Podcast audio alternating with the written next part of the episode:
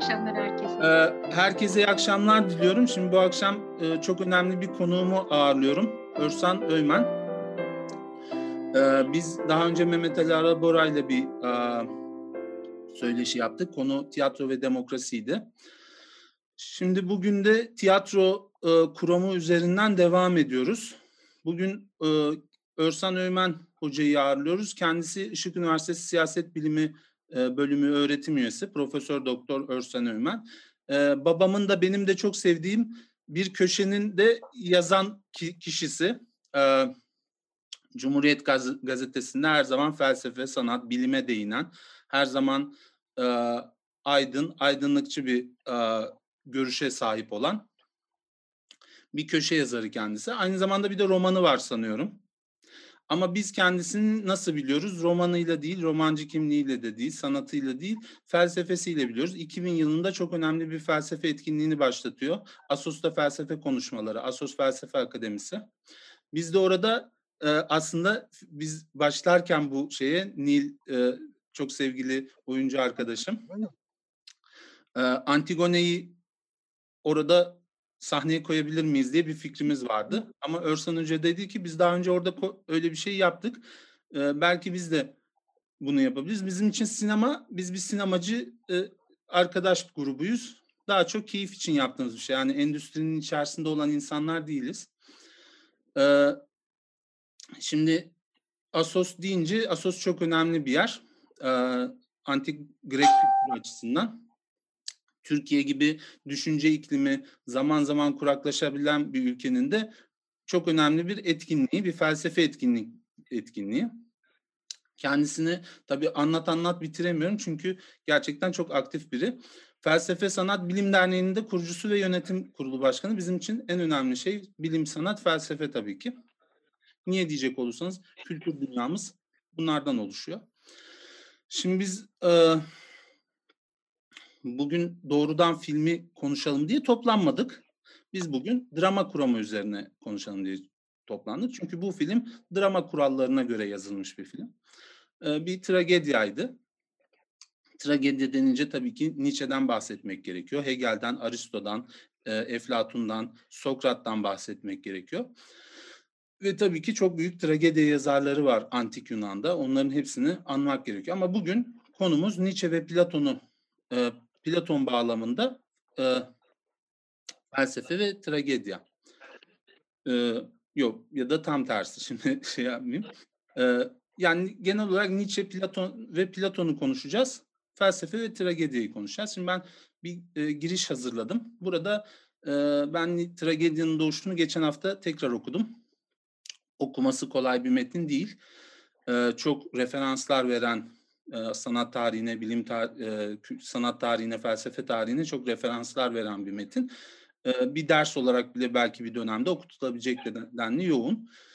Nietzsche tabii ki bir dahi. Kendisi bir dahi olarak bugün bile bugün için 150 sene sonra bile yol gösteren neredeyse 150 sene sonra bilen yol gösteren bir metin yazıyor. Şimdi burada o bu onun yazdığı ilk kitap diyor ki Dionysosçu insanın ne demek bu bilmiyoruz şimdi şu an için. Dionysios insanın Hamlet'le benzer bir yönü vardır. İkisi de şeylerin özüne gerçek bir bakış atmış, onları tanımıştır ve eyleme geçmek onları tiksindirmektedir. Çünkü eylemleri şeylerin bengi özünü değiştiremeyecektir. Zıvanadan çıkmış dünyayı yeniden düzenleme işinin kendilerinden beklenmesini gülünç ya da utanç verici bulmaktadır diyor. Şimdi burada öz ne demek? Ee, Nietzsche bir burada bir özden bahsediyor. Şeylerin bengi özü yani değişmeyen ebedi özlerinden bahsediyor. Şimdi e, Nietzsche'nin bir öncesinde Schopenhauer bir özcü bir filozof. E, insana özcü bir yerden yaklaşıyor ve ama bugün bu özcü yaklaşıma sahip değiliz. Bugün varoluşçuluk yani en e, yakınımızdaki özgürlük kuramı felsefedeki varoluşçuluk şeylerin özünün biçim, özü biçiminden önce gelir diyor. Bu ne demek? Armut düşünelim tohumundan özünü saklıyor. Özden bir ağaç varlığı meydana geliyor. İnsanda ise biçim özden önce gelir. Ne demek bu? Bilişsel bir varlıktır. Bir tabulara yani beyaz bir tahta şey e, tabula rasa olarak doğar. E, yani dünyaya fırlatılır ve Boş dünyada levha. evet boş levha olarak zihnidir bu boş levhayı hayatın içerisinde doldurur. Aslında bir bakıma insan kendisine varmaktadır. Kendisi olmaktadır hayatın içerisinde bir oluştur bu. Şimdi iktidar da bir şeydir. Onun da biçimi özünden meydana gelir. Burada bir Hamlet'ten bahsetti bu kısa paragraftan içi. Bu öylesine bir bahsediş değil. Burada e, Shakespeare dediğimiz zaman her zaman iktidar oyunları, iktidar üzerine mücadeleler. Mesela iktidar şey, iktidar bir şeydir, bir varlıktır ve onun bir özü vardır. O öz Macbeth'i, Kral Claudius'u, Kral Lear'ı doğur, ortaya çıkarmaktadır. Bunlar iktidar özünün biçimleridir. Bizim şimdi e, Dionysosçu Hamlet'imiz, biraz konuyu uzattım ama Dionysosçu Hamlet'imiz e, Danimarka'ya geldiğinde dışarıda üniversite eğitimi görmektedir. Gelir ve bir şeylerin çürüdüğünü söyler Danimarka, Danimarka Krallığı'nda. Bu ne demek? Yani artık krallık yoz bir krallıktır. Fakat Hamlet gelir orada amcasının babasını öldürmesini a, hayaletten duyar ve intikam almak ister ve o çürümüş düzenin bir parçası haline gelir. Yani biz orada e, Hamlet'in biraz delirdiğini de görüyoruz oyun içerisinde. İşte o delilik hali içerisinde e, Hamlet şeyi de söyler. Yani bunun gülünç olduğunu, kendisinden e, Danimarka Krallığı'nı düzeltmesinin istenmesinin gülünç hatta komik olduğunu söyler. Bu böyle çok yoğun bir metin yazmış. Nietzsche tabii ki Shakespeare'i çok iyi biliyor Nietzsche. Ee, şimdi burada bu neden önemli olsun sorusu var. Ee, klasik felsefede idealler var. Eflatun klasik felsefenin en önemli düşünürlerinden. Eflatun'dan biraz bahsedeyim. Eflatun'da idealler var. Nedir bunlar? İdeal krallık. Şimdi diyelim ki a, e, dünyada Platon, Eflatun şunu söylemektedir. Biz bir öyle bir devlet kurabiliriz ki bu mükemmeldir. Ama şimdi gerçekte Machiavelli'den sonra fark, biz felsefede fark ediyoruz ki Machiavelli, Spinoza gibi düşünürlerden 15-16. yüzyıl 17. yüzyıldaki filozoflardan şunu fark ediyoruz ki aslında krallar da bizim sandığımız gibi böyle iyi, doğru, güzel, dürüst insanlar değiller. Krallıklarını korumak için her şeyi göze alıyorlar. Tıpkı Shakespeare'in e, Hamlet'inde ba, amcasının babasını öldürmesi gibi, Macbeth'in kralı öldürmesi gibi, babası gibi kendisini oğlu gibi seven baba, kralı öldürmesini ve tıpkı benzer bir şekilde e, Kral Lear'da kız kardeşlerin birbirine düşmesi. Ve şimdi klasik felsefedeki ideal devletin, ideal insanın giderek yok olmakta olduğunu görüyoruz. Ve bu Nietzsche'de ayyuka çıkıyor. Kendisi e, yani katılabilir birisi veya katılmayabilir. Naturalist de deniyor ama trajik realist bir filozof. Ne demek? Schopenhauer gibi insanın özünün bir trajik insanın özünün trajik olduğunu söyleyen bir filozof. Ee, ve bir realist. Realist, idealistin idealistin karşıtı realist. Yani gerçekte böyle ideal devlet falan olmadığı, her kralın bu krallığı korumak için her şeyi göze alabildiğini söylüyor ve tabii ki semavi dinlerin ahlak kuralları çünkü bütün semavi diller dinler idealist düşünceye da yaslanıyor. E, bir dini felsefe gibi olarak ele almak istemiyorum ama e, bir takım dinin içerisinde idealler var. İdeal e, ahlaki bir öğreti var veya İsa gibi gelip dünyada Davut'un krallığını, ideal krallığı yeniden kurmak isteyenler var. Ben sözü çok uzatmadan e, klasik felsefenin çöküşünü e, ilk söyleyen Machiavelli'den Nietzsche'ye getiriyoruz e, düşünceyi ve Nietzsche çok önemli bir müdahalede bulunup e, tragediyi felsefenin merkezi bir konumuna getiriyor Schopenhauer'le. İşte burada Hamlet e, özelinde bakacak olursak Hamlet aslında idealist bir genç olarak gelir şeye Danimarka Krallığı'na ama orada bir realist olur. İşte burada e, Nietzsche'nin bakış açısından baktığımızda diyor ki yani aslında Hamlet'te e, bak düşünebileceğimiz e, Hamlet'te düşünce Hamlet'te olumsuz diyeceğimiz bir şey yoktur. Oyun yani Hamlet'e acımamız için bir neden yoktur. E, çünkü oyunun sonunda Hamlet ölür ve bütün seyirci üzülür. Ama Nietzsche'nin belki de şöyle bir bakış açısı var. Hocam tabii ki beni düzeltecektir, yanlışlarımı da düzeltecektir. Ama buna niye acıyalım? Olumlayalım, yaşamı, hayatı yaşayalım ve real, realiteyi kabul edelim. İşte bu Nietzsche'yi acıyı rasyonelize etmeye götürüyor. İşte meşhur beni öldürmeyen şey güçlendirir sözü ve diğerleri. Ben burada tabii ki sözü Sayın Örsan Öğmen'e bırakacağım. Ee, e, evet. Tamam. Ee, başlayayım ben. Ee, tabii hocam. Yani ben bir, Ee, izgah yaptım. Ee, şimdi Tamam. oyuncu arkadaşlarımız da biz de beklemekteyiz. Tamam. Ee, çok teşekkür ederim bu genel e, giriş konuşması için. Şimdi ben e, size e, ana hatlarıyla aslında 19. yüzyılda yaşamış olan e, Alman filozof e, Friedrich Nietzsche'nin e, genel e, bilgi felsefesini ve ahlak felsefesini e, özetleyeceğim. E, ve tabii bu bağlamda da e, antik Yunan filozofu Platon'a yani İslam dünyasında Eflatun olarak da bilinen Platon'a yönelik onun bilgi felsefesine ve ahlak felsefesine yönelik eleştirisini de burada size anlatmış olacağım.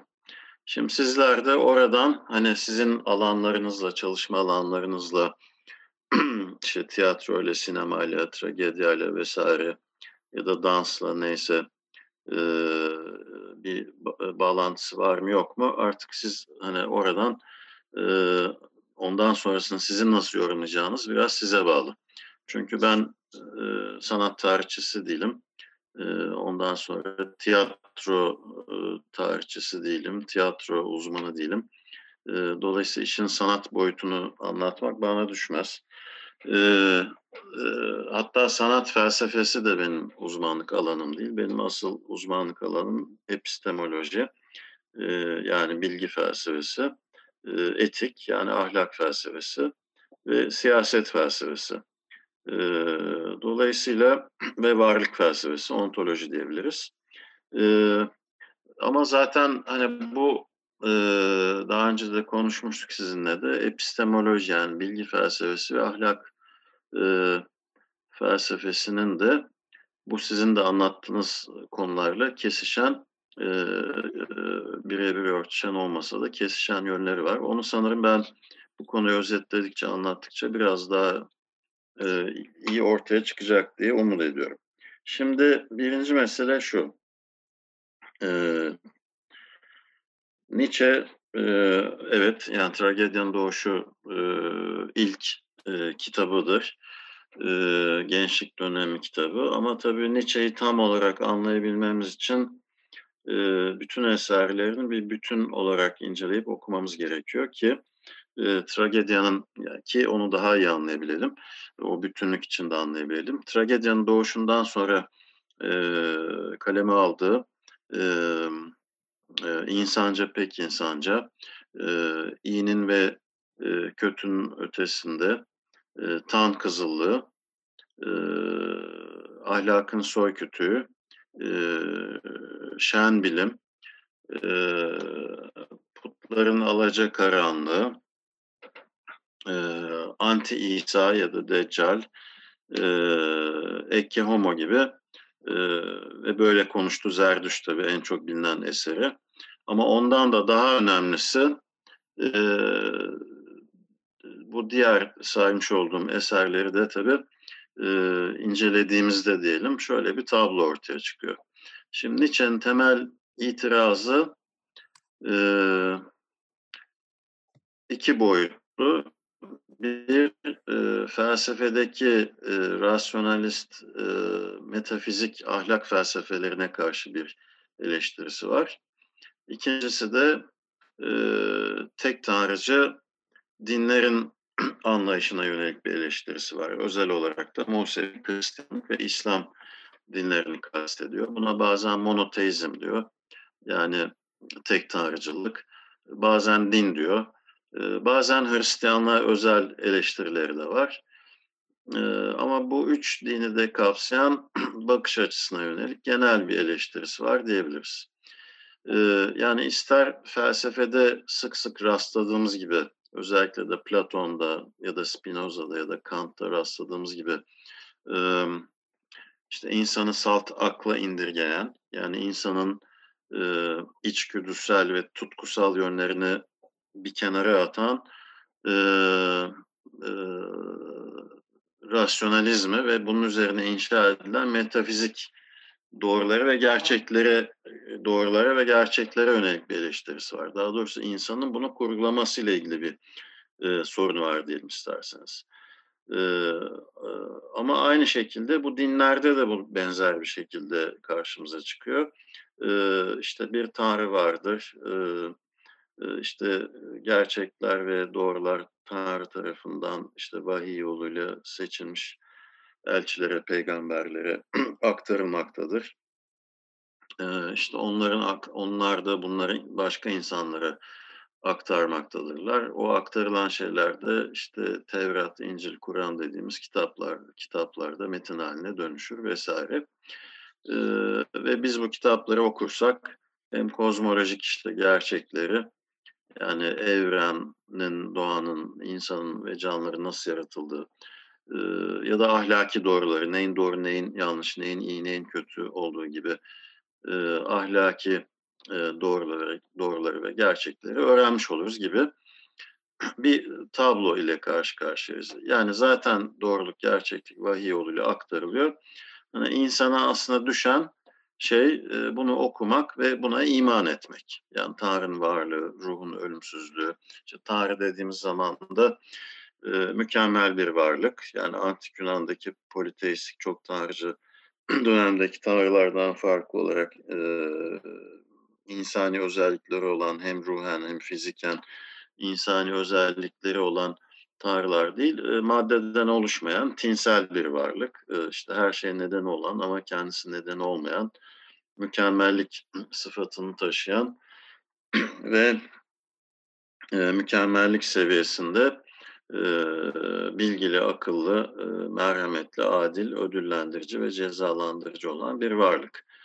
E, işte bunlara iman etmek e, e, dinlerin önerdiği şey, öğütlediği şey ya da. Şimdi burada, şimdi bu, bu Nietzsche açısından İster temelinde salt akıl olsun. Salt akıl tek başına akıl demek. Aslında burada Nietzsche irrasyonist bir şey söylemiyor.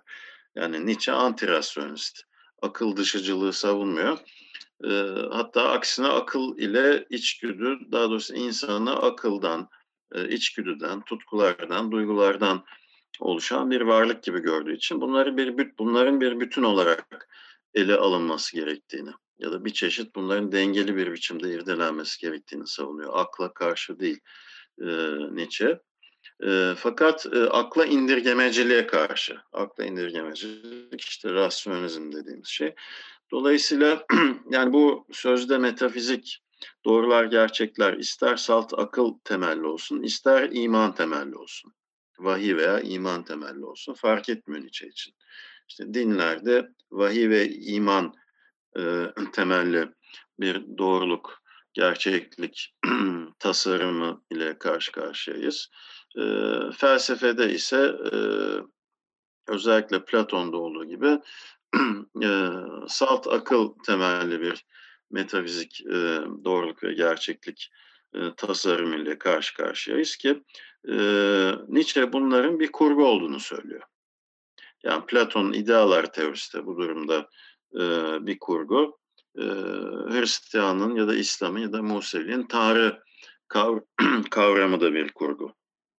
Şimdi insan bir kere bunları kurguluyor. Yani ortaya koyduğu temel aslında epistemolojik eee, eee, ne diyelim ona, eee, önerme ve tez bu.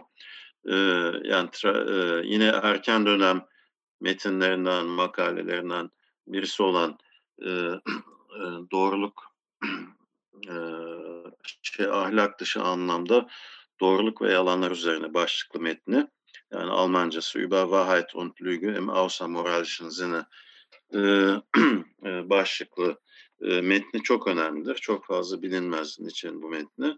Ya, burada Nietzsche konuya aslında epistemolojiden giriyor. Yani bilgi felsefesinden giriyor. Eee, ve şunu söylüyor, eee, yani insanın, eee, zihni, eee, ve zihninin kapasitesi sınırlıdır. Yani biz sonuçta koskoca bir evrende, işte, küçücük bir, eee, bir nokta bile olmayan ufak bir yıldızda yaşayan sınırlı canlılarız. Yani bizim bu böylesine sınırlı bir kapasiteyle bütün evrenin, işte, sırlarını, eee, işte, eee, özünü ya da gerçekliğini vs. bilmek gibi bir şeyimiz yok, bir durumumuz yok. Eee, özellikle vurguladığı şey bu metinde insanın, i insan algılarıyla, eee, insan dil üzerinden algılarıyla bazı şeyleri anlamaya çalışır. Dolayısıyla aslında her şey algıda ve dilde, insanın algısında ve insanın kullandığı dilde asimile olur ya da bir şekilde, eee, onların izin verdiği ölçüde biz ancak bazı şeylere anlam verebiliriz. Yani insanın di kendi kullandığı dili aşması ve o dile bağlı terimleri, kavramları aşması, eee, ve kendi, işte, anlama bağlamında, bu duyu algısı olarak da anlaşılabilir ya da genel olarak aklın belirli şeyleri algılaması olarak da anlaşılabilir. Kendi kişisel algılarını, eee, aşması diye bir şey söz konusu değil. Onların izin verdiği ölçüde biz, eee, evreni, doğayı, insanı, toplumu, ııı, anlayabiliriz diyor. Eee, şimdi dolayısıyla ha, doğruluk, kesin doğrular var mı? Var. Onlar da totolojiler diyor zaten. Onların da içi boş. Yani A eşittir A gibi bir şey. Hani bütün bekârlar, Kant'ın mesela, işte, analitik önermelerine baktığımız zaman örneğin, işte, bütün bekârlar evli değildir önermesi, zaten bekâr olmak demek, evli olmamak demek. Yani orada bir tekrar ediyorsunuz. Yeni bir şey, yani bekârlık, bekârların yaşantısı hakkında bize bir bilgi, yeni bir şey, bir olgu diyelim isterseniz, aktarmıyor bu önerme. Eee, dolayısıyla bu, hani, totolojiler hariç diyor aslında bu metinde.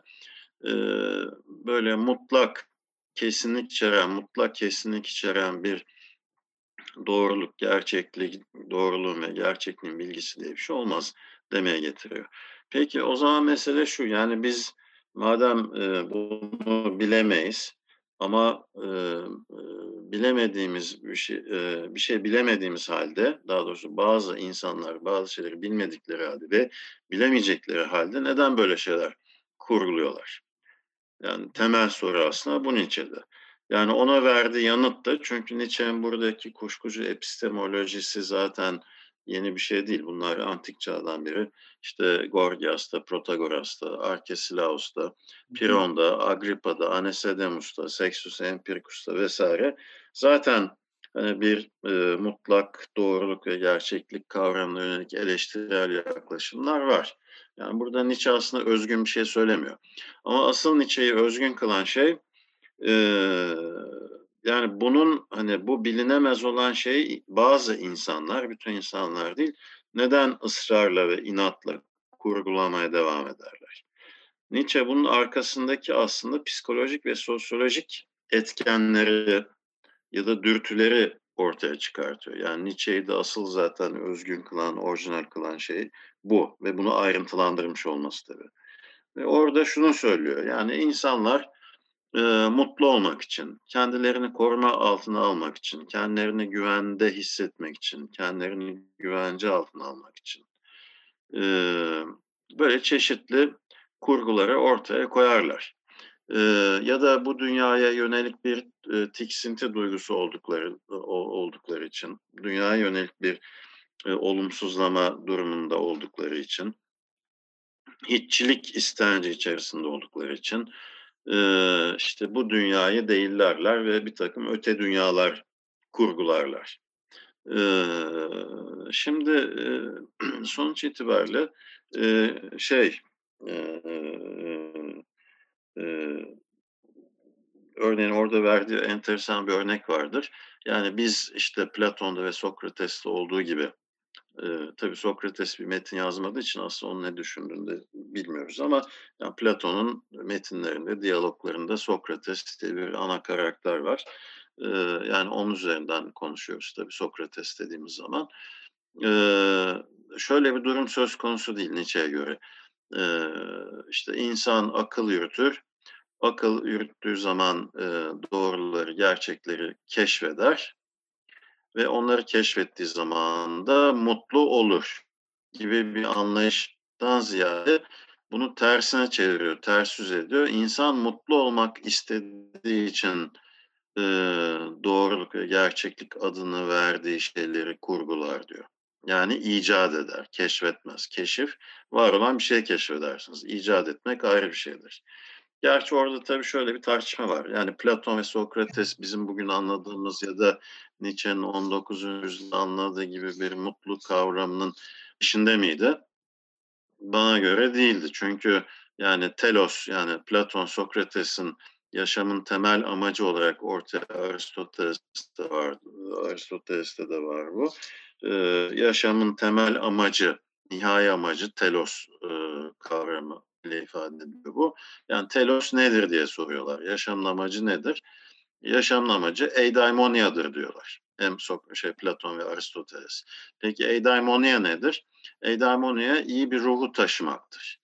Ee, işte gelişen, açan, daha doğrusu gelişme sürecinin bir sonucu olarak diyelim isterseniz kişinin iyi bir insan olabilmesidir eudaimonia.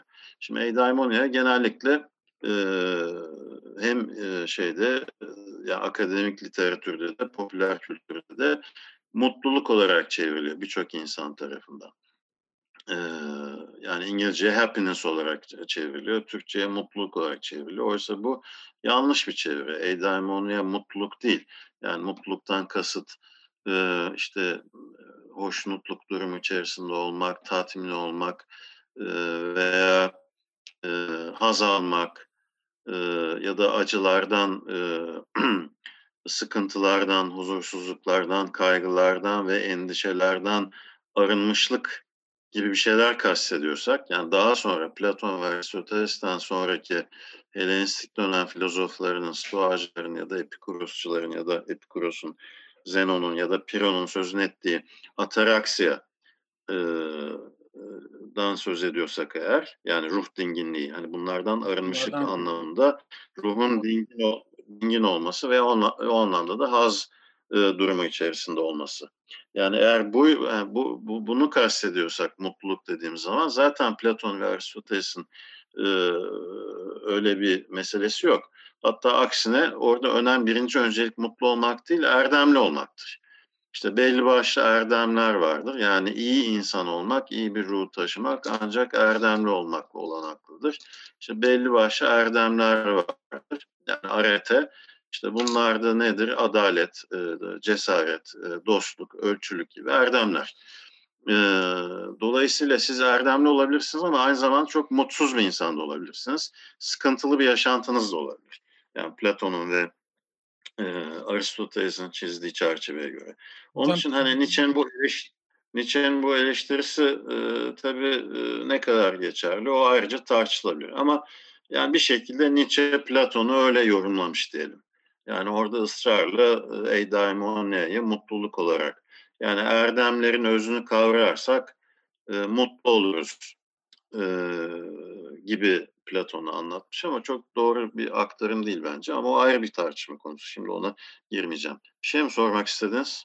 Hocam ben şimdi orada iki ha, bir şey söyleyecektim de sizi böldüm biraz da. Kusura da bakmayın. Şimdi orada mesela o metin çok ilginç bahsettiğiniz şey. Çünkü dünyanın aslında tamamlanmamış bir sanat eseri olduğu fikrini söyleyen Merleau-Ponty büyük ihtimalle böyle bir şey kastediyordu. Yani insan sadece bir bir birey ve çok sınırlı bir canlı ve bu türden idealleri, şeyleri ne derece kavrayabilir? Bu çok ilginç bir şey.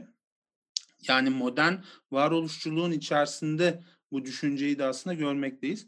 Bir de aslında konuşmanın başında konuştuğunuz yere de değindiğiniz için söylüyorum. Yani konuşma monoton bir hal almasın diye de araya girdim. Ee, aslında burada işte o erdemli olmak neyse belki çileciliğe de sebep olan bir şey. Çünkü erdemli yaşayacağım diye çileyi kutsallaştırma e, ya da dönüşebilir. Yani nitekim işte şeyin içerisinde, Hristiyanlığın içerisinde bu türden bir çileci görüş de var. Yani insan bu ideal bir takım ahlak kurallarına e, Nietzsche'ye göre bir yanılsama olan, bir kurgu olan ahlak kurallarına uymalı. Fakat bu belki de çileci bir hayatla mümkündür ancak gibi. Şimdi şöyle, e, yani çilecilik Hristiyanlığın bir e, bakış açısı Nietzsche'ye göre. E, hani Platon'u doğrudan çilecilikle suçlamıyor aslında. Ee, ama şunu söylüyor işte iyinin ve kötünün ötesinden ön söz, iyinin ve kötünün ötesinde eserinin ön sözünde e, e, Hristiyanlık halk için, kitleler için Platonculuktur diyor. Yani Platonculukla Hristiyanlık arasında bir bağlantı kuruyor. Ama aslında Platon Hristiyan falan değil. Zaten Hristiyanlıktan önce yaşamış olan, milattan önce 300 yıllarda yaşamış olan birisi. Aristoteles de Hristiyan değil, e, Musevi de değiller, Müslüman da değiller. Hristiyanlık ve İslam dinlerinden önce yaşamışlar. Museviliğin de hiçbir etkisi olmamış antik Yunan kültürüne. Orta Doğu'da bir azınlık dini. Zaten Platon ve Aristoteles'in metinlerinde de Musa'ya ve Museviliğe hiçbir referans yok. Haberdar bile değiller. Dolayısıyla yani Platon'u aslında yani Hristiyanlıktan tamamen bağımsız anlamak lazım. Bence orada Nietzsche biraz e, hani Orta Çağ filozofları Platon'u çok kullandıkları için hem Platon'u hem Aristoteles'i işte Agustinus, e, Anselmus, Aquinas, e, işte İbn Sina, İbn Rüşd gibi filozoflar bunlar Orta Çağ filozofları, e, teist filozoflar, tarihçi filozoflar ve tezlerini bir şekilde işte Platon'un, Platon'un ve Aristoteles'in bazı düşüncelerinden faydalanarak bu tezlerini geliştiriyorlar. Yani dinle felsefeyi bir anlamda harmanlamaya çalışıyorlar. Yani biraz orada aslında Nietzsche'nin biraz onun da etkisi altında olduğunu düşünüyorum. Yani bana göre Platon e, sadece Hristiyanlıktan önce yaşamış olduğu için değil, genel olarak Hristiyanlıkla e, bir ilgisi olmayan bir filozof. Şimdi isterseniz yöntem olarak şöyle bir yöntem belirleyelim. Çünkü ben araya soru aldığım zaman ne diyeceğimi unutan bir insanım. Ee, onun için ben bir tam anlatacağımı anlatayım. Ondan sonra e, e ya unutan dediğim e, sonradan hatırlıyorum da biraz zaman alıyor hatırlamam. E, şimdi mesela nerede kalmıştık? Ne demiştim ben? En son şey demiştim. Yani siz sorularınızı not ederseniz en sonunda ben e, sizin sorularınızı elden geldiğince şimdi yanıt vermeye çalışırım. Şimdi e, yanlış hatırlamıyorsam, eğer yanlış hatırlıyorsam hatırlıyorsam düzeltin. Şeyde kaldık diye hatırlıyorum. E, ha bu kurgunun yani doğruluk gerçeklik kurgusunun hangi e, etkenlerin sonucunda e, oluştuğu konusunda kalmıştık. Şimdi e, şimdi burada tabii e, dolayısıyla insan bazı insanlar şeyi işte Tanrı kavramını e, icat etmişlerdir. Bir şey keşfettikleri falan yok, bir şey bildikleri de yok. E, bildiklerini zannediyorlar ama bilmiyorlar. E, bu benzer bir durumu Platon idealar teorisi içinde benzer bir eleştiri yapıyor e, şey Nietzsche. Şimdi o onu anlamamız için bir kere Platon ne diyor onu anlamamız gerekiyor. Şimdi Platon e, şunu söylüyor işte bir görünüş boyutu vardır bir de ger, e, e, gerçeklik boyutu vardır. E, e, yani bir görünüş boyutu dediğin, dediğiniz şey mesela işte işte mağara örneği vardır biliyorsunuz elleri kolları bağlı işte bir takım insanlar mağaranın arkası şey mağaranın şey duvar kısmına bakarlar sırtları mağaranın şeyin ne derler açıldığı dışarıya açıldığı yere dönüktür sırtları. Yüzleri mağaranın içine doğru bakar ve işte oradaki yanan ateş ya da gelen ışığın sonucunda e, duvarda sadece kendi gölgelerini görürler. Yani hiçbir zaman aslında doğruyu, gerçeği bilmezler. Yani cehaletin hani e, dibe vurmuş halini anlatmak için kullandığı bir benzetme. Yani her insan bir kere Platon'a göre potansiyel olarak bilgi sahibi olabilir. Fakat önemli olan bu e, cehalet durumundan çıkmak yani çıkmamız gerekiyor. O da görünüşler boyutundan çıkmak demek. Yani e, işte gölgeler boyutu, yansımalar boyutu veya bir nesnenin e, doğrudan beş duyu organıyla algılanma durumu. Çünkü orada da düşünme yok, çıkarım yok. Yani akıl yürütme diye bir şey yok. İnsan sadece bir şeyi algılıyor. Dolayısıyla görünüş boyutu dediği şey ikiye ayrılıyor. En, onun en alt seviyesi hiyerarşik olarak bu modeli ortaya koymuş. Bir nesnenin kendisinin algısı değil, bir nesnenin yansıması ya da gölgesinin algısı. Yani diyelim ki önümdeki laptopun kendisini değil de onun gölgesini, e, yansımasını algılıyorsan bu artık tabii gerçeklikten, doğruluktan e, tamamıyla kopma noktası en uzak olduğumuz gerçekliğe, doğruluğa en uzak olduğumuz, eski deyişle hakikate en uzak olduğumuz nokta. Onun bir ileri aşaması laptopun yani nesnenin kendisini doğrudan algılama. Ama hala sadece algı var, düşünce yok. Dolayısıyla o da görünüş boyutunun içinde. Bu da bilgi sahibi olmak için yeterli olan bir şey değil. Platon'a göre.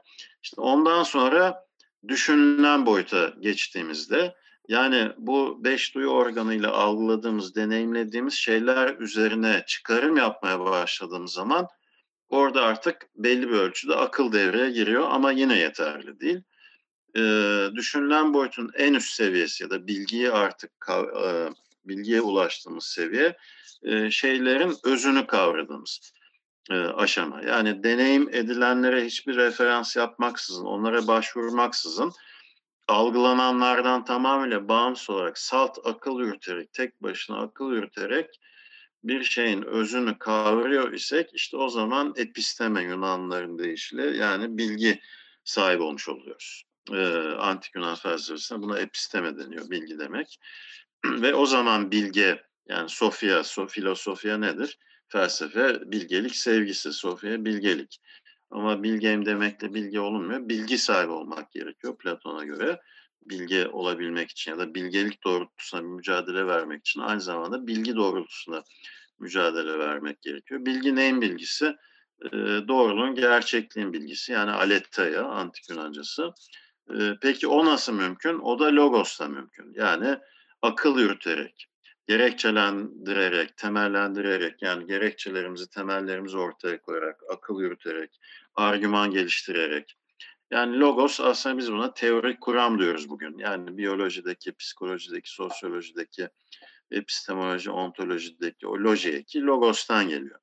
Şimdi dolayısıyla biz akıl yürüterek e, bu şeylerin özünü kavradığımız zaman yani ideasını ve formunu kavradığımız zaman e, ki Platon öncelikli olarak insan ve toplum odaklı çalışır. Mesela Aristoteles hem doğayla ilgilenir, evren ve doğa. Sokrates öncesi doğa filozoflarında söz konusu olduğu gibi evren ve doğa üzerine araştırmalar yapar. Doğa bilimleriyle doğrudan ilgilenir. Hem de ahlak felsefesi, siyaset felsefesi gibi alanlarda da çalışır. Şimdi Platon insan ve toplum odaklı çalışıyor. Dolayısıyla burada şeylerin özünü kavramak derken masanın özü, hani masayı masa yapan şey nedir?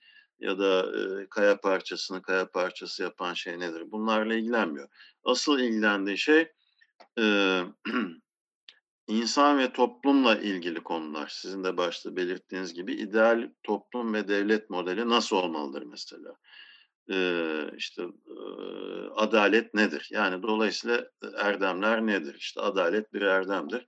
E peki insanların adil olması için ne gerekiyor? Öncelikle adaletin ne olduğunu bilmesi gerekiyor.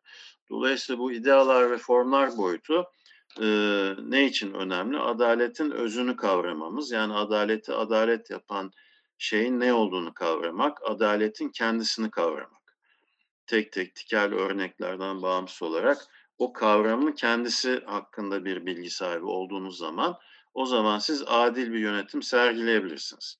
Yani burada aslında Platon tabii doğrudan yöneticileri yani Atina kent devleti yönetenleri e, ve genel olarak kent devletleri, o zaman kent devlet modeli var. Onları yönetenleri hedef alıyor. Ve e, tabii bu, bu da anlaşılır bir şey. Çünkü Platon'un e, hocası Sokrates, Sokrates Platon'un hocası, Platon onun öğrencisi. Aristoteles de Platon'un öğrencisi. Platon Sokrates'in, Aristoteles Platon'un öğrencisi.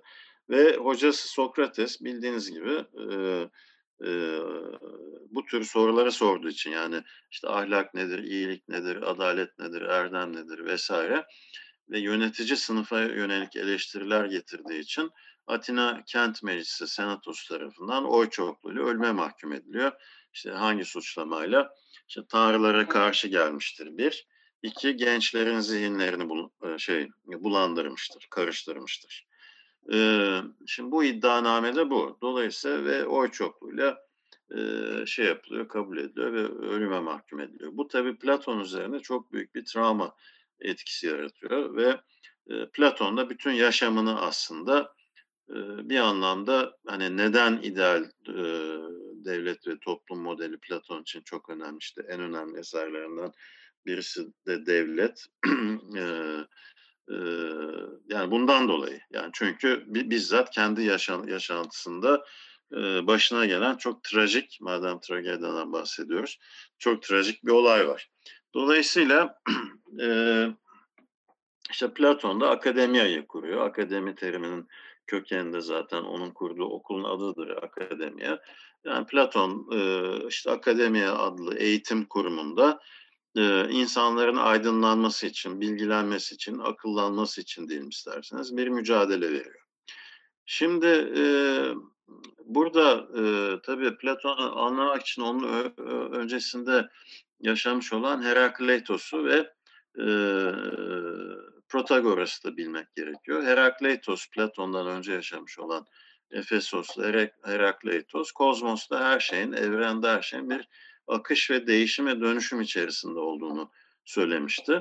Şimdi Platon, e, Protagoras da e, her şeyin göreceli olduğunu, her şeyin ölçüsünün e, insan olduğunu ve insana göre değiştiğini söylemişti Protagoras.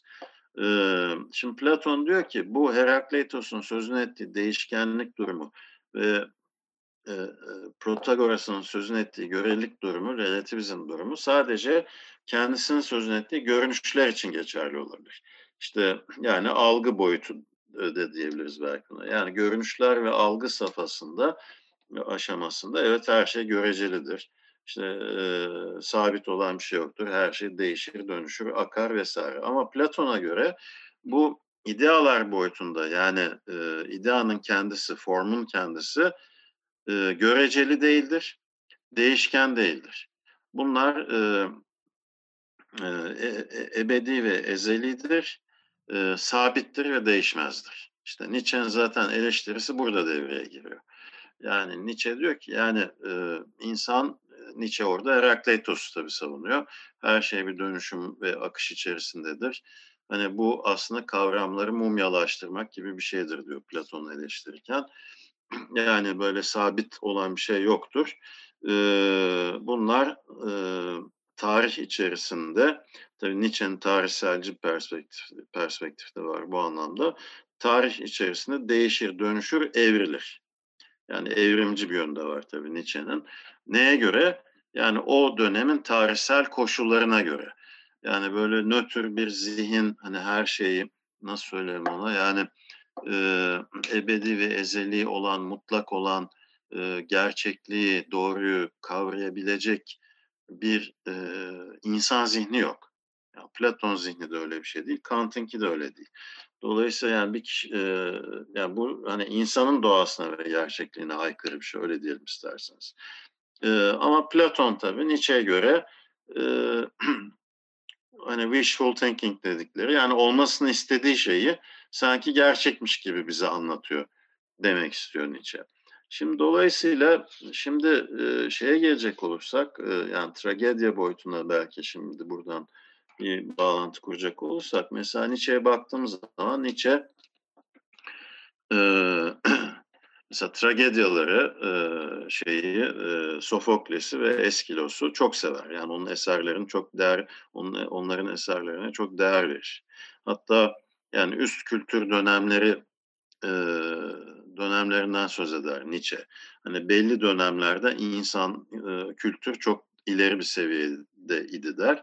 İşte bu mesela tragedyalar dönemi yani Sofokles'in, Eskilos'un işte eserlerini kaleme aldıkları antik Yunan dönemini e, çok önemser, değer, değerli bulur. Rönesans'ı değerli bulur. E, böyle tek tük mesela Göte'yi çok yüceltir. Alman edebiyatçı Göte'yi vesaire.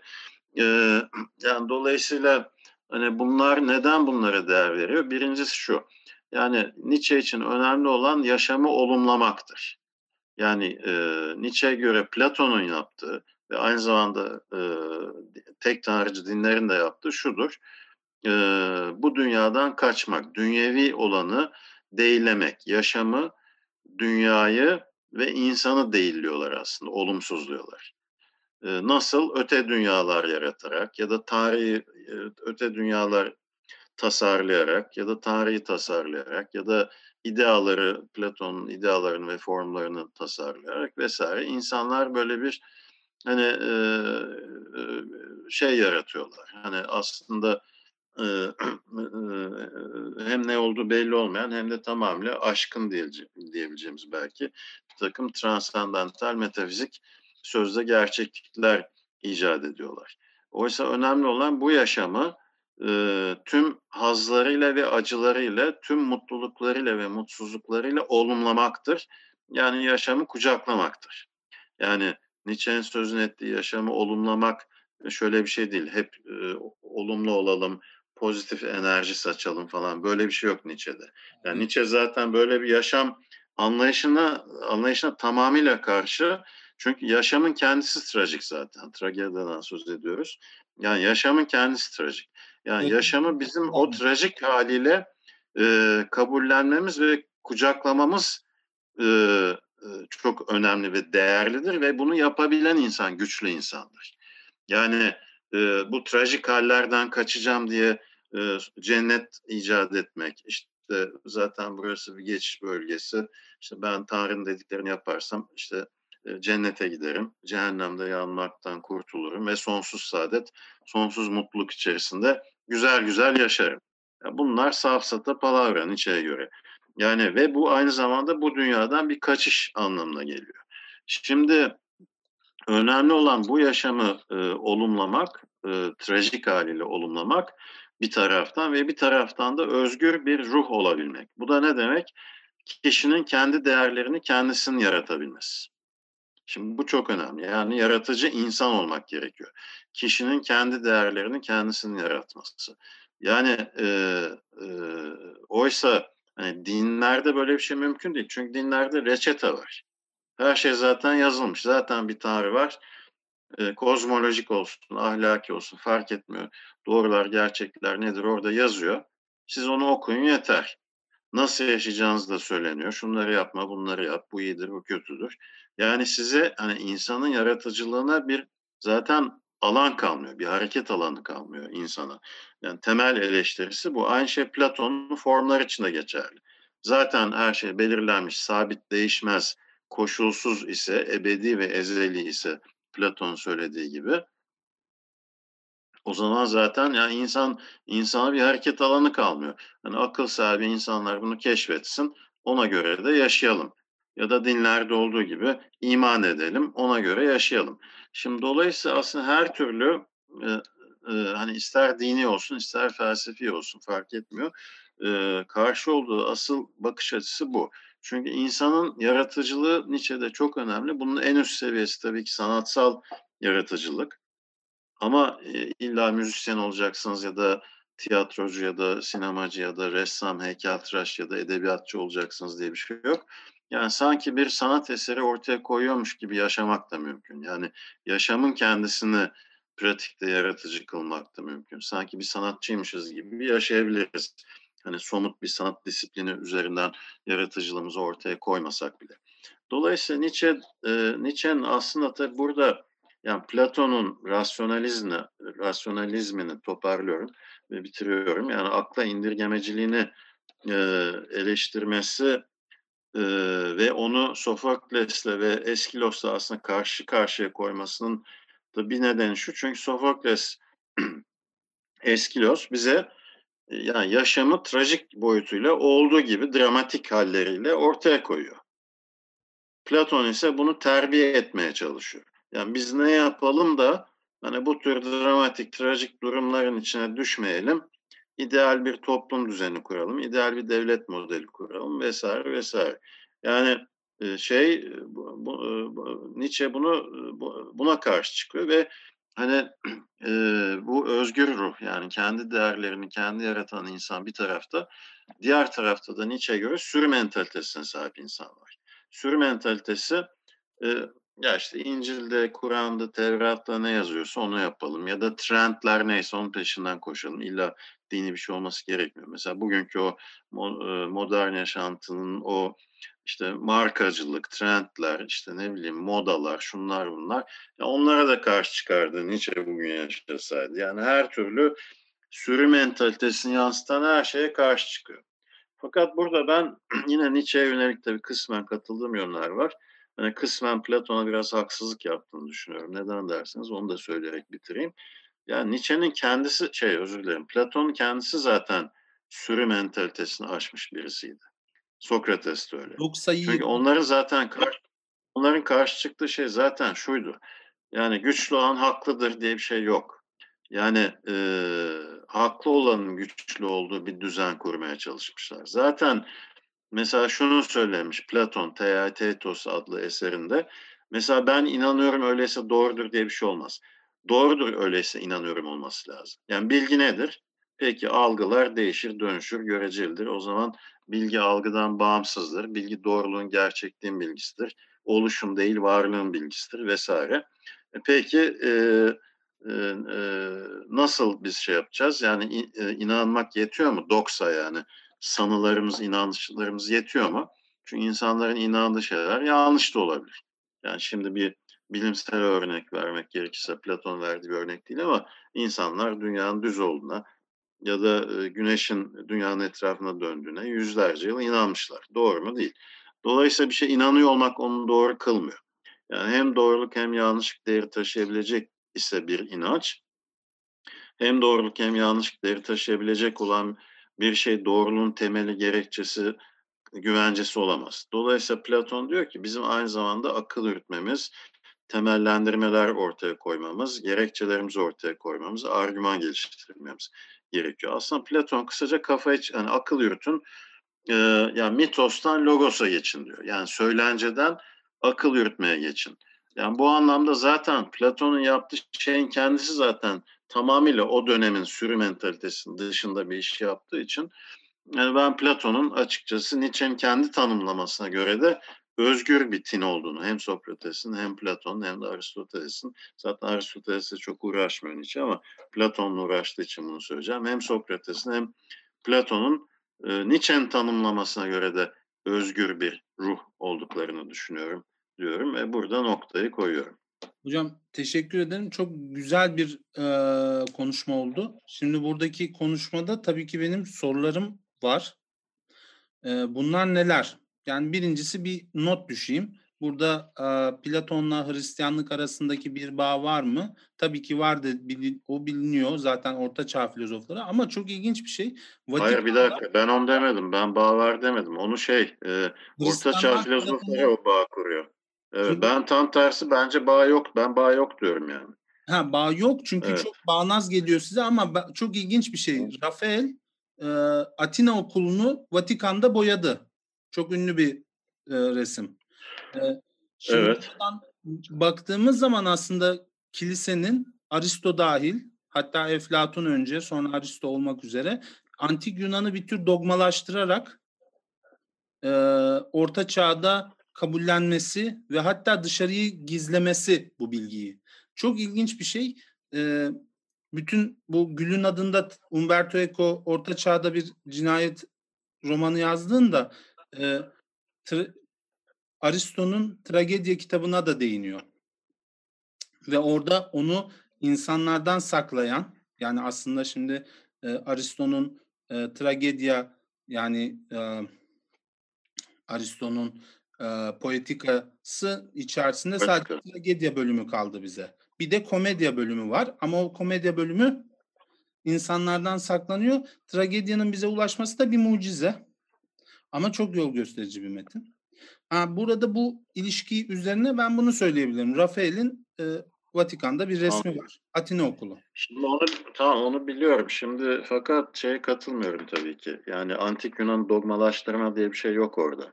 Yani orada Rönesans olan şey, Rönesans malum işte yeniden doğuş demek Latince ve temel esin kaynağı da antik Yunan ki oradaki temel kaygı orta çağdan çıkmak. Yani orta çağın teokratik diyelim isterseniz baskıcı teokratik e, yapılanmasından kurtulmaya çalışıyor sanatçılar. İşte Leonardo da Vinci, işte Michelangelo, Raffaello, ondan sonra şey Botticelli, e, bunun sanat boyutu, sonra bilim boyutu Kopernik, işte Galilei, e, daha sonra Kepler, Newton, bunun felsefe boyutu e, Spinoza, Leibniz, Descartes, işte Bacon, Hobbes, Locke vesaire.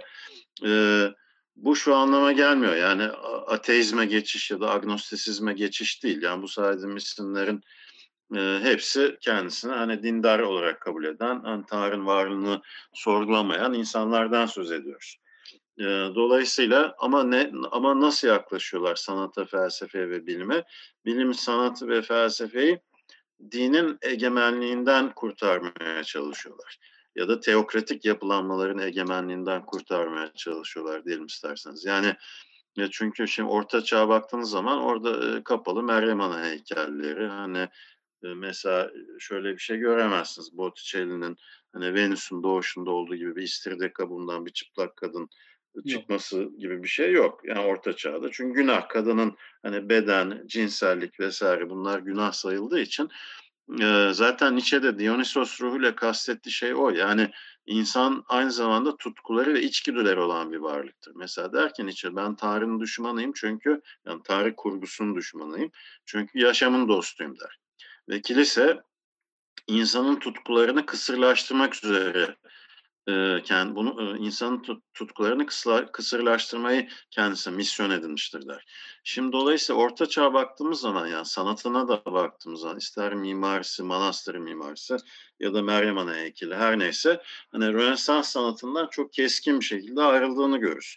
Oysa Rönesans sanatında mesela işte Antik Yunan'da Praxiteles adlı bir heykeltıraş var mesela Afrodit biliyorsunuz Afrodit, e, Knidos Afrodit'i e, e, mesela o döneme kadar çıplak erkek heykelleri var ama çıplak kadın heykeli yok. Şimdi Kos antik kenti rivayete göre e, Hipokrates'in de memleketi yani tıp biliminin kurucusu olan modern tıp, tıp bilimini kuran Hipokrates'in memleketi olan Kos antik kentinin yöneticileri diyor ki Praxiteles'e bize bir e, Afrodit güzellik tanrıçası heykeli yapıp gönderir misin sipariş veriyorlar. E, o da çıplak heykel yani çıplak olarak yapıyor. Nudist bir şey heykel gönderiyor Kosta. Kostlar dehşete kapılıyor. Biz bunu meydana koyamayız. Onun üzerine Knidos antik kent o heykeli alıyor ve kabul ediyor ve meydanlarına koyuyor. O işte Knifredit olarak bilinir. Şimdi işte Botticelli'nin Rönesans'ta mesela o şeyin Venüs'ün doğuşu adlı eserindeki Venüs Romalılar da biliyorsunuz güzellik parçası. Roma'daki tanrılar sınır vermişler. Aynı tanrı güzel tanrıçası, öteki de güzel tanrıçası. Romalılar Venüs demiş. Yunanlar Afrodit demiş. Dolayısıyla doğrudan mesela o Knidos Afrodit'inden esinlenmedir. Yani bir örnek olarak söylüyorum. Mesela Atina Mektebi sizin bahsettiğiniz Rafael'in tablosu. Orada işte Platon, Aristoteles birçok e, antik Yunan'da yaşamış işte Diogenes'ten tutun Herakleitos, Anaxagoras'a kadar bir sürü bilim insanı vardır o tabloda. Yani orada aslında yine antik Yunan e, biliminin ve felsefenin e, yüceltilmesi durumu vardır. Ama buna biz e, antik Yunan dogmalaştırılması diyemeyiz. Çünkü antik Yunan kendisi zaten dogmaya aykırı bir şey. Çünkü antik Yunan felsefesine ve bilimine baktığımız zaman bir sürü farklı tezin ve görüşün bir arada barındığını e, anlıyoruz. Yani Platon bir tez ortaya atıyor, Aristoteles o tezin bir kısmını kabul ediyor, bir kısmını e, reddediyor. Sonra Epikuros diye ortaya çıkıyor. Hem Aristoteles hem Platon eleştiriyor. Sonra işte Piron diye bir, birisi ortaya çıkıyor. Hepsini birden eleştiriyor. Yani böyle tek düze dogmatik bir şey yok. Tam tersi bir arayış var. Bir süreç var. Ee, e, mesela bir kısmı rasyonelist filozofların, bir kısmı empirist, deneyimci. Dolayısıyla mesela Aristoteles'in idealar teorisine getirdiği bir eleştiri var. Tikerlerden, tikerlerin deneyiminden bağımsız olarak tümelleri kavrayamayız diye. Şimdi onun için e, yani antik Yunan aslında aydınlanmanın kökeni bana göre. Çünkü hem bir yandan doğa bilimleri alanında yani doğa olup bitenleri doğaüstü güçlerle ya da söylencelerle açıklamak yerine doğada olup biteni yine doğa içinde kalarak mesela açıklama girişimi. Miletos'ta şeyden de önce Platon'dan, Aristoteles'ten daha önce bugünkü Türkiye e, sınırları içerisinde olan Miletos antik kentinde Thales, Anaximandros ve Anaximenes'le başlıyor. Sonra Anaxagoras hatta bunlardan etkilenen ilk Atina inip bu çalışmaları astronomi, matematik, e, hatta biyoloji, yani Anaximandros, e, Anaximandros ilk evrim teorisini geliştiren adam. Tüm canlılar işte sudaki canlılardan türemiştir falan diyen birisi. Yani bunlar işte demin bahsettim Hipokrates işte hastalıkların sebebini beslenme ve iklim koşullarında aramak lazım. Yani her hastalandığımızda Tanrı Zeus bize kızdı, bizi cezalandırma cezalandırdı demek yerine adam aklı başına bir şeyler söylemeye çalışmış. İşte Herodotos Halikarnassoslu tarih bilimini kurmuş, Homeros'u eleştirmiş. Homeros, Homeros'un mitoslarıyla, mitolojik açıklamalarıyla bir yere varamayız. Çünkü tarih olgular üzerinden yazılır demiş falan. Şimdi bunların hepsi dogmatizme aykırı şeyler. Hani onun için antik Yunan kesinlikle dogmatik değildir. Aksine e, dogmatizmi kırmaya çalışır. Dogmatik olan şey orta çağ dogmatiktir. Neden? Çünkü dönüp dolaşıp İncil'in sınırlarının dışına çıkamazsınız şeyde, orta çağda. Yani siz İncil'e aykırı bir şey söyleyin, felsefe yapabilirsiniz ama hangi sınırlar içerisinde? Ha, Tanrı'nın varlığını felsefe olarak kanıtlayabilirsiniz. Tanrı'nın yokluğunu ya da bilinemezciliğine dair bir argüman geliştirdiğiniz anda ne olur orta çağda? Yani 4. yüzyıldan 14. yüzyıla kadar olan dönemde e, ya hapishaneye boylarsınız ya e, idam edirsiniz ya kellenizi uçururlar ya da sizi işsiz güçsüz bırakırlar, toplumdan dışlarlar falan filan. Ya dolayısıyla hani e, antik Yunan'da da tabii filozof baskı ile karşılaşan filozoflar olmuştur ama ona rağmen işte Sokrates'e örnek verdik. Anaxagoras var, Pitagoras var, başka örnekler ama ona rağmen o uzun zaman dilimi içerisinde yani milattan önce 7. yüzyıldan 600 yıllardan e, milattan önce 1. yüzyıla kadar felsefede ve bilimde adeta bir patlama yaşanmış. Hem çoğulculuk var hem diyalektik bir ortam var. Tez antitez diyalekti üzerine kurulu tek düze bir söylem yok. Biraz uzun bir cevap oldu ama hani siz şey deyince hani antik Yunan dogmalaştırma deyince ona takıldım şu anda. Ona biraz uzun bir cevap oldu. Yani evet. ben bunu neyden söylüyorum? Ben aslında fizik mezunuyum. Siz belki onu kastetmediniz tabii. Başka bir şey kastetmediniz. Tabii tabii. Fizik kanunlarını yani Aristocu fiziği mutlak kabul ediyordu vesaire.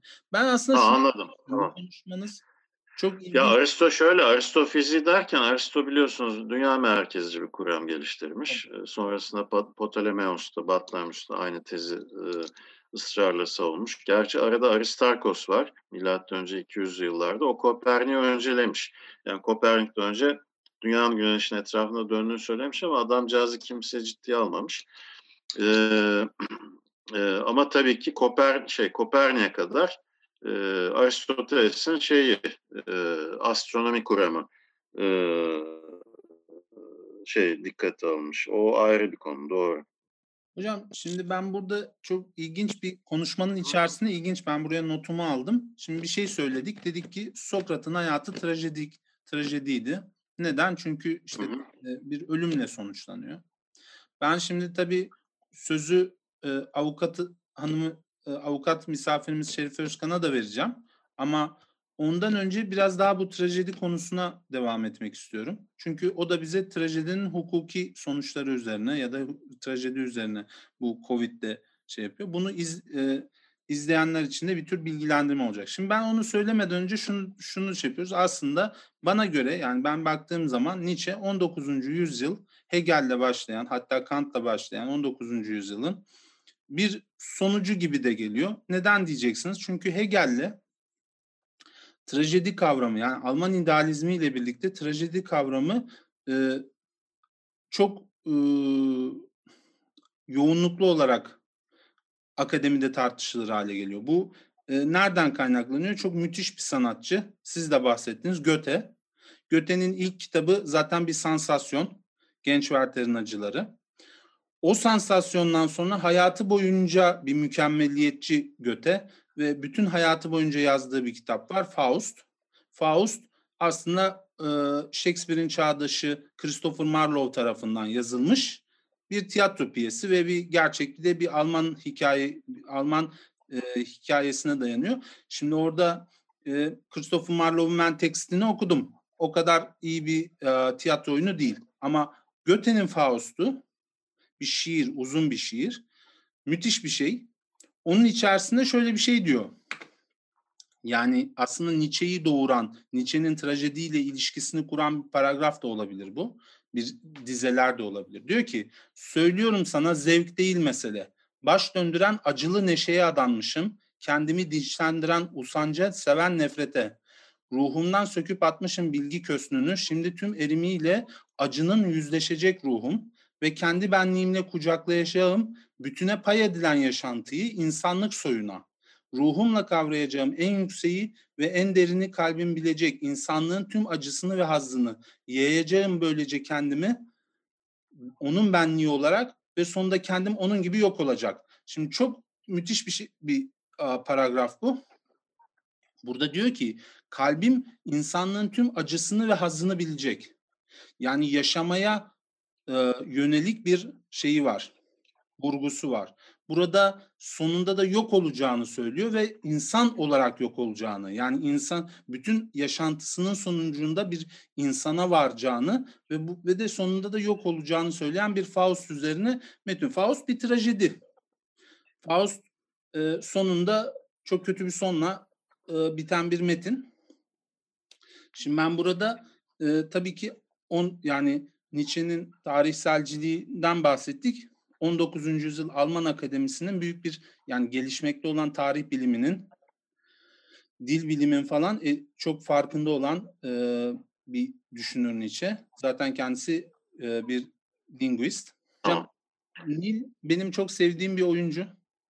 Kendisine ben sözü öncelikle vermek istiyorum. Eğer sorusu Aa. varsa e, veya bir düşmek istediğim notu varsa bu trajedi e, so, ve Nietzsche bağlamında. Ondan sonra da Sayın e, şeye, Şerife Özkan'a sözü vereceğim.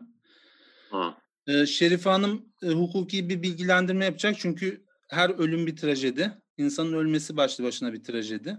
E, hukuki olarak kadınların COVID-19'da yaşadığı şiddet olayları üzerine bir bilgilendirme yapacak ve programı kapatacağız.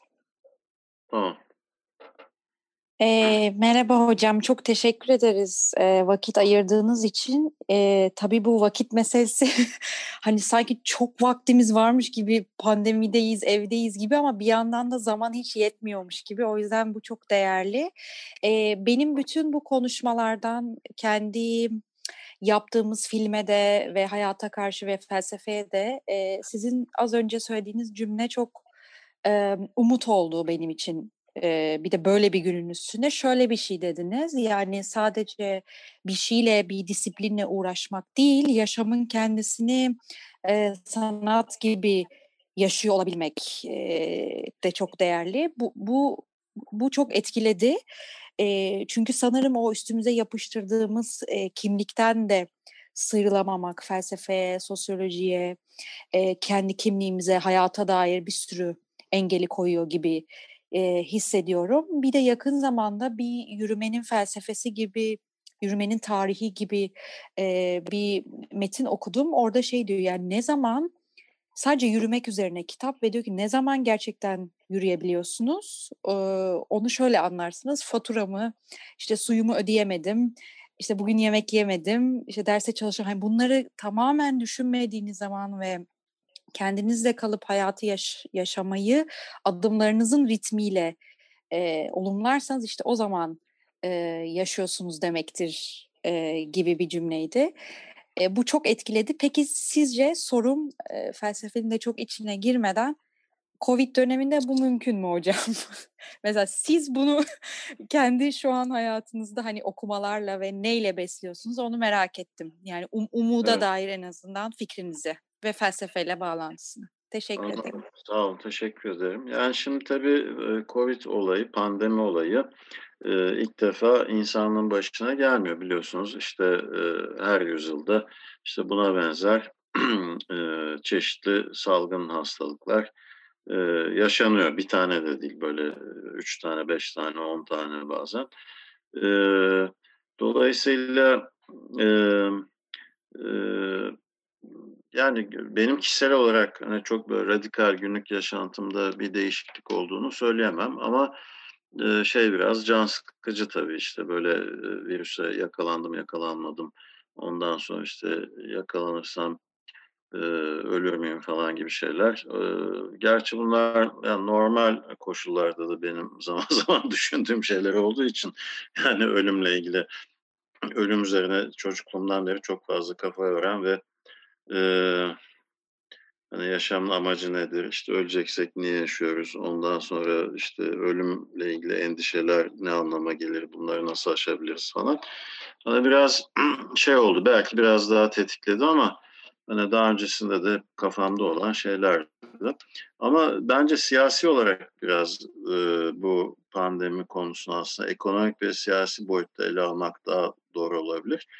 Emm, yani, bizim Gerçi kapitalist sistemin şey çürümüş bir düzen olduğu, işte ahlaksız bir düzen olduğu, bir sömürü düzeni olduğu bana göre kesin. İşte dünyadaki refahın yüzde seksen ikisi e, nüfusun yüzde birinin elinde. Yani gelir dağılımında çok radikal bir dengesizlik var.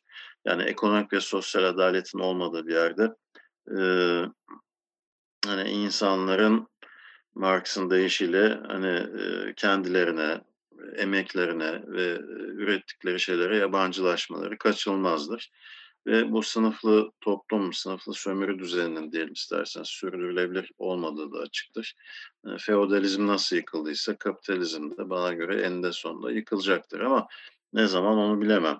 Şimdi bence bu pandemi biraz bunun vesilesi e, olabilir ya da olmalıdır diyelim. Yani mevcut için içinde yaşadığımız e, ekonomik sömürü düzenini sorgulamamız için bir vesile e, olabilirse eğer o zaman bu pandemiden belki işte bir takım iyi sonuçlar da çıkartabiliriz.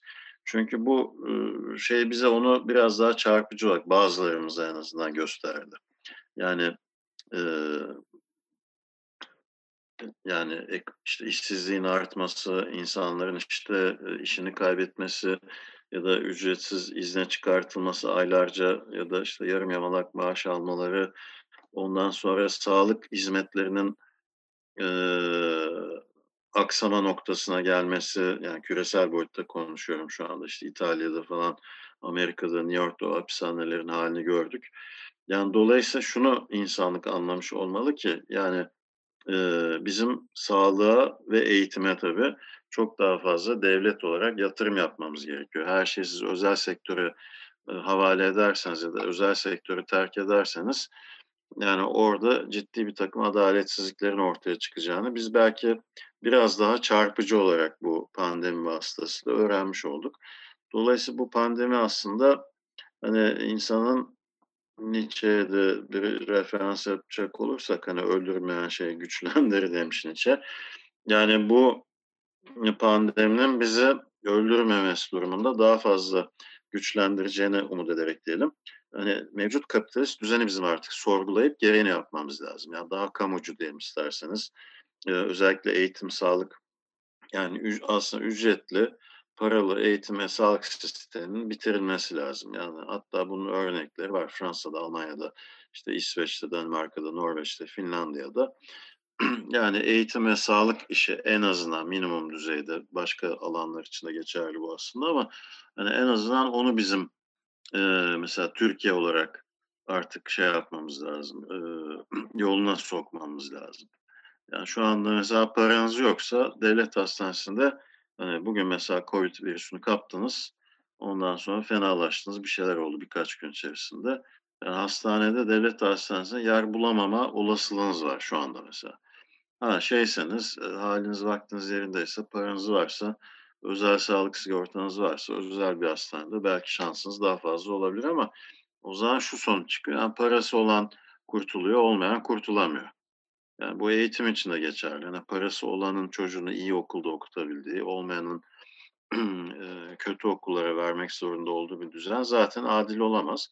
Onun için bizim hem nitelikli hem ücretsiz eğitim ve sağlık sistemini kurmak doğrultusunda bir hani adım atmamız gerekir. En azından şu başımıza gelen olaydan sonra diye düşünüyorum.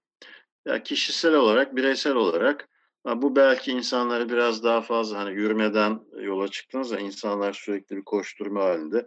Yani koşturma zorunlu olmayanlar en azından. Yani onlar belki şöyle bir durup hani biraz kendi kişisel, bireysel sadece siyasi, toplumsal düzeni ve yaşam değil, kendi bireysel yaşamlarını da belki hani, sorgulayabilir hale gelirlerse e, onun da bir ayrıca bir faydası olur tabii. Yani düşünmek için biraz zaman gerekiyor. İşte zaman için e, haldır uldur bir çalışma temposunun içinde olmamak gerekiyor tabii. Dolayısıyla yani bir taraftan e, evet yürümek iyidir ama durmak da iyidir. E, yani zaman zaman koşmamız da gerekebilir ama böyle sürekli koşan bir insan olmaz yani. Hani ara sıra biraz yürümek ve durmak da gerekebilir diyelim. Evet teşekkür ederim. Hocam teşekkür ederiz. Şerife Hanım. Evet. Son olarak size Ben- sözü verip programı kapatıyorum. Ee, Evet. hukuki olarak bir şeyden çok dikkat çekici bir şey. Covid döneminde kadına şiddet arttı. Evet. Eee, a- e, şeyde aslında şiddet bir e, salgın e, halinde dünyada şu anda. E, sadece ülkemizin sorunu değil şiddet. E, şiddet dendiği zaman e, daha çok güçlünün güçsüze e, yani güç orantısı olmayan insanlar arasında olan e, eylemleri anlıyoruz daha çok. E, erkeklerden gelen kadınlara şiddet, çocuklara şiddet, yaşlılara şiddet, hayvanlara şiddet, e, doğaya yapılan talan, her türlü şey bu eylemler e, şiddete giriyor.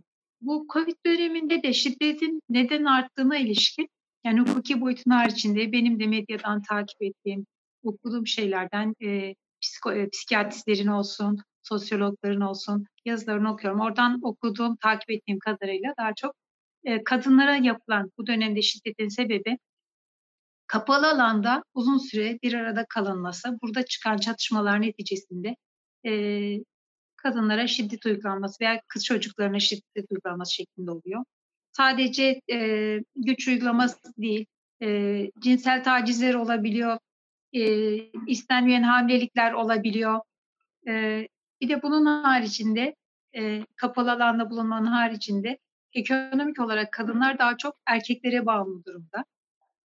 Tabii bu, bu da bir güçsüzlük sebebi oluyor. Eşit, eşitlik yok. Şerife Hanım, Onunla şiddet durumunda e, yapılması gerekenler üzerine hukuki bir şey bir, bir şey söyleyebilir misiniz? evet, şey, tabii hemen biraz e, özetle şey yapmaya çalışayım yine. Şimdi e, bu dönemde insanların e, şiddete uğradıkları vakit e, kolluk güçlerine ulaşmaları da zor oluyor. Yani belki iletişim kurma imkanları olmuyor veyahut da gitme imkanları olmuyor, kısıtlamalar var. E, bunların e, Birleşmiş Milletler e, bu söylediğimiz şeyler sadece Türkiye'de, Orta Doğu'da olan şeyler değil, genelde olumsuz şeyler düşünüldüğü zaman biz işte Türkiye'de gördüğümüz olumsuz örnekler, Orta Doğu'da gördüğümüz olumsuz örnekler olarak Kanada'da da var, Fransa'da da var, Yunanistan'da da var. Yani bu dünyanın sorunu halinde şu anda. Ee, ne yapabiliriz? Ee, bizim kendi yasal çerçevemizde kadınların korunmasına, aile bireylerinin korunmasına ilişkin olarak çok güzel yasalarımız var. Bizim daha çok uygulama sorunlarımız var. İstanbul Sözleşmesi'nin aslında uygulaması bizim 6284 sayılı ailenin korunması ve kadına karşı şiddetin önlenmesine ilişkin yasamız var. Burada e, hem koruyucu önlemler var hem de destekleyici önlemler var. E, koruyucu önlemler kolluktan kuvvet, e, kolluktan yardım isteme, e, oradan gelen önlemler, mahkemeler kanalıyla e, alınan bir takım örnek, önlemler var. Bir de e, onun haricinde mülki amirin, e, valiliğin yapacağı yardımlar var. E, kollayacak şekilde bu insanlara barınma, geçinme imkanları sağlayacak şiddete uğrayan kişilerin bu şekilde önlemler var. Neler yapılabilir? Bunu aslında e, felsefe e, konuşuldu e, programın başından beri. Bu hukukla felsefe iç içedir. Yani hukukun da bir felsefesi vardır, hukuk felsefesi vardır. Yani biz toplum olarak Adalet kavramı zaten felsefenin içerisinde. Evet, Evet, erdemlerin kraliçesidir e, adalet. Platon'un sözü bu. E, adalet erdemlerin e, en yükseğidir, kraliçesidir. Hatta benim sosyal medyadaki şeyimdir bu, başlığımdır. E, sevdiğim bir sözdür. E, biz toplum olarak bunu özümsememiz gerekiyor. Eğitim. E, eğitimle bu olacak. Yani kuralları ne kadar koyarsanız koyun, ne kadar e, bu sadece toplumun eğitimi de değil uygulamayı yapan mesela hakimlerimiz kadın cinayetlerinden örnek vereyim bir tane. Birkaç tane var böyle örnek de çarpıcı örnek. Mesela e, bizde adam öldürme suçu yani insan öldürme suçları e, Türk Ceza Kanunu 81. ma- maddede düzenlenmiş. E, birisini kasten birisi öldürdüğü vakit, insanı öldürdüğü vakit müebbet hapis cezası alıyor. Ama bu aile bireylerine karşı olduğu zaman yani işte eşe, anneye, babaya, alt ve üst soyu olduğu zaman e, veya birkaç şey daha sayılmış töre sebebiyle olduğu zaman nitelikli oluyor müebbet hapise e, sebep oluyor. Bir kadın öldürüldüğü zaman bu suçlardan yargılanıyor. Ama ne oluyor? E, iyi halden e, ya da e, şeyden ağır tarihten indirimler alıyor. Müebbet hapis iniyor 18 yıla. E, infazda da bu iniyor. E ne oluyor? Adam belki de 14 sene 15 sene atıp çıkıyor. Yani bir insanın ölmesi işte orada hakimler, uygulayıcılar, savcılar, hakimler, yargıyı yapan hakimin karar verirken işte burada felsefeyle bağlantılı bir şey var. Ee, kendi kişisel görüşlerine göre değil, kendi kişisel görüşlerine göre değil, ağır tahrik uygularken veyahut da ki bu da yanlış ağır tahrik e, veya iyi hal mahkemedeki davranışları e, göz önüne alarak indirim olmaması lazım. Bunun evrensel kurallara göre yargılanıp ona göre cezan verilmesi lazım. Burada evrensel kurallar dediğimiz zaman işte evrensel kurallar dendiğinde felsefecilerin e, oluşturduğu evrensel kurallar öyle diyelim dünyada. Bunların özümsenmesi lazım. Adalet duygusunun evrensel kuralların çok iyi özümsenmesi lazım. Bizim yargıçlarımız, adaleti uygulayan kişilerimiz bu konuda ne kadar e, iyi yetişmiş olursa, bunları özümsemiş olursa toplumun adalet duygusu da o kadar tatmin edilmiş olur. Önemli olan toplumun adalet duygusunun tatmin edilmesi. Mesela başka bir örnek de tersi bir durum oldu yakın zamanda isim vermeden hani hatırlarsınız parkta bir genç dershaneye okula giderken bir kadına şiddet uygulandığını gördü ve onu e, e, gidip kurtarmak istedi, yardımcı olmak istedi. Karşılığında da mukavemet görünce işte yanında bir bıçak varmış. Onunla bıçakla, bıçaklamak isterken e, mukavemet gösteren adamı öldürdü. Kadına şiddet uygulayan kişiyi öldürdü. Kadın e, dernekleri ve birçok toplumda infial oldu. Herkes bu çocuğun, bu gencin ki bu, bu e, işte tıp fakültesine gitmek isteyen, kendine göre idealleri olan bir çocuktu. E, herkes bunun meşru müdafaya sokulmasını istedi. Meşru müdafaa yani ki, kişinin kendine veya başkasına bir e, eylem olduğunda kendini savunursa o zaman şey olmuyor, ceza almıyor. Ceza almasın şeklinde şeyler oldu, savunmalar oldu. Ama diğer yandan çocuk e, adam öldürme suçundan dolayı ceza aldı. Ama haksız tahrik olduğu için, ağır tahrik olduğu için e, cezası da indirim uygulandı. İşte böyle e, şeylerde, ince noktalarda e, toplumun e, adalet duygusunun tatmin edilmesi gerekiyor. Şerif Böyle Hanım, olmadığı zaman da işte toplumda e, bunlar da travma yaratıyor. adalet duygusunun zedelenmesi birincisi bu son dönemde çok tartışılan bir şey. Evet, Son Evet. 10 veya 20 senenin hadisesi bu. Bir şey daha söyleyeceğim. Filmin içerisinde böyle bir diyalog geçiyor. Ee, diyor ki eğer kadın Evet. adamı aldatıyorsa ya çocuğu varsa diyor. Yani çocuklu bir kadının e, adamı aldatıyor olması e, durumunda şiddet uygulanması üzerine. Şimdi orada Evet. iyi hal dediğiniz büyük ihtimalle böyle bir dava olsa Allah korusun. Evet şimdi ben ondan şöyle bahsedeyim. Bize mesela namus cin- cinayeti diye bir şey geçer. Aslında hukukta namus cinayeti diye bir şey yok. Yani böyle bir madde yok kanunlarımızda.